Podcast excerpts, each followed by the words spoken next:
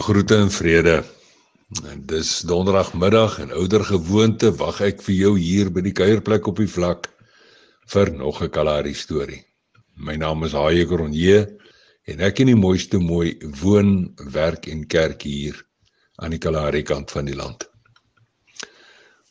Vanmiddag lees ons weer in die 2020 Afrikaanse vertaling, en meer spesifiek Genesis 30 se 27ste versie en daar staan geskrywe Laban het hom geantwoord As jy my asseblief net goed gesind sal wees ek het uit die voortekens te wete gekom dat die Here my geseën het om jou ontwil Nou vanmiddag se storie se naam Jakob se hek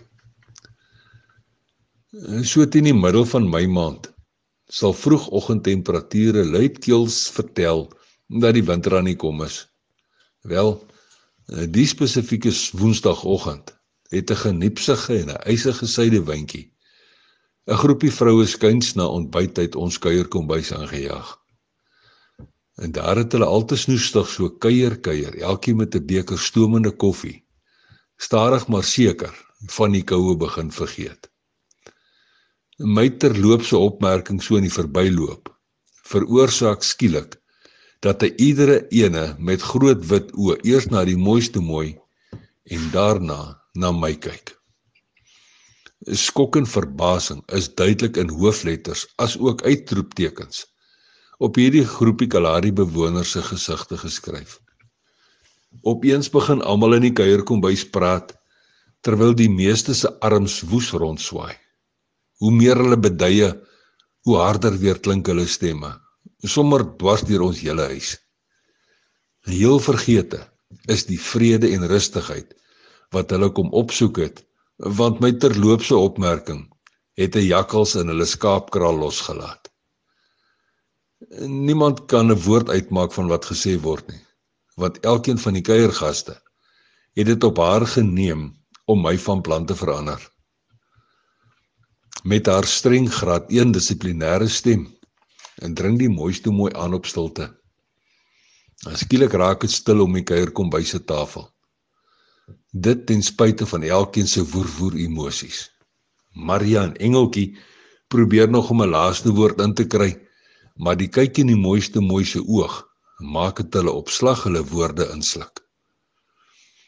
Soos net 'n goeie onderwyseres kan, verduidelik die mooiste mooi baie rustig dat ek soos gewoonlik hulle alweer net gekoggel het.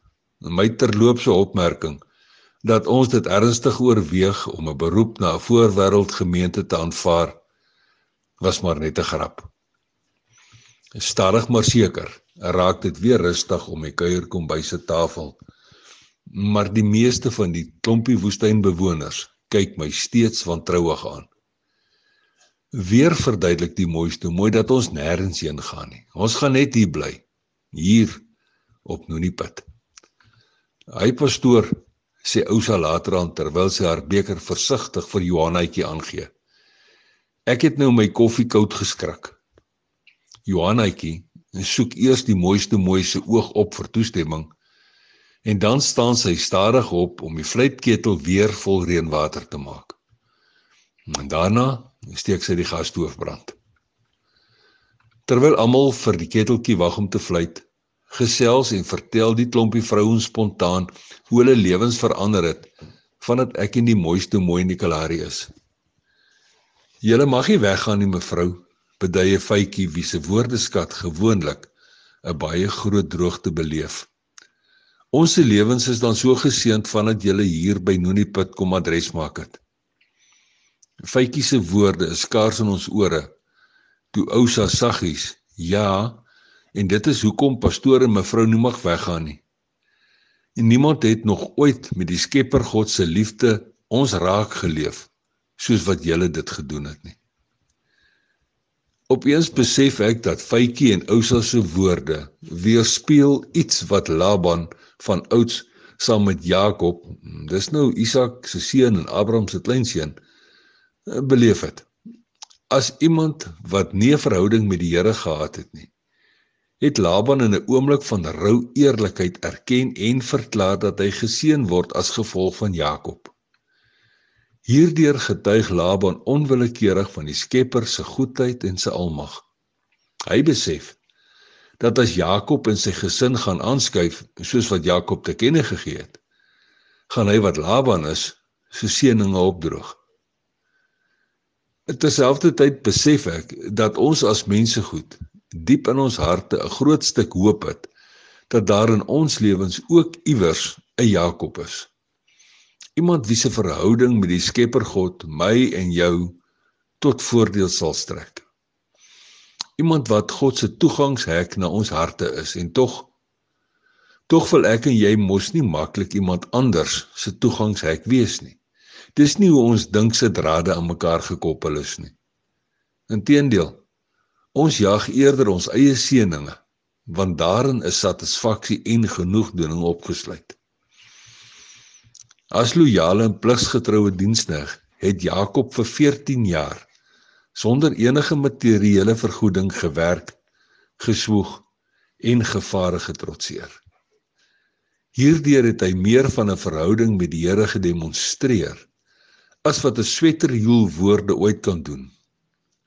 Hy het nie gepreek, gebid, gesalf of duiwels en demone rondgejaag nie. Inteendeel, Jakob het bloot net vir Laban raak geleef. Hy het gedoen wat van hom verwag was, dag vir dag, maand vir maand, 14 jaar aan een. Jakob was God se toegangshek na Laban se hart, sodat hy wat Laban is, daaroor kon getuig. 'n Rukkie later sak 'n vredevolle stilte in die kuier kombuis neer toe Ousa die kombuisdeur agter haar toe trek. Steeds ekho fytjie en Ousa se woorde diep in my hart. En ek besef hoe kosbaar en spesiaal dit is om die Skepper van hemelgoed en stofaarde se toegangshek na iemand anders se hart te wees. 'n Toegangshek sodat hy ander kan seën, 'n toegangshek soos Jakob. 'n Jakobshek. En nou ja toe. Los mooi spore. En sandkorrel baie seëninge tot 'n volgende keer.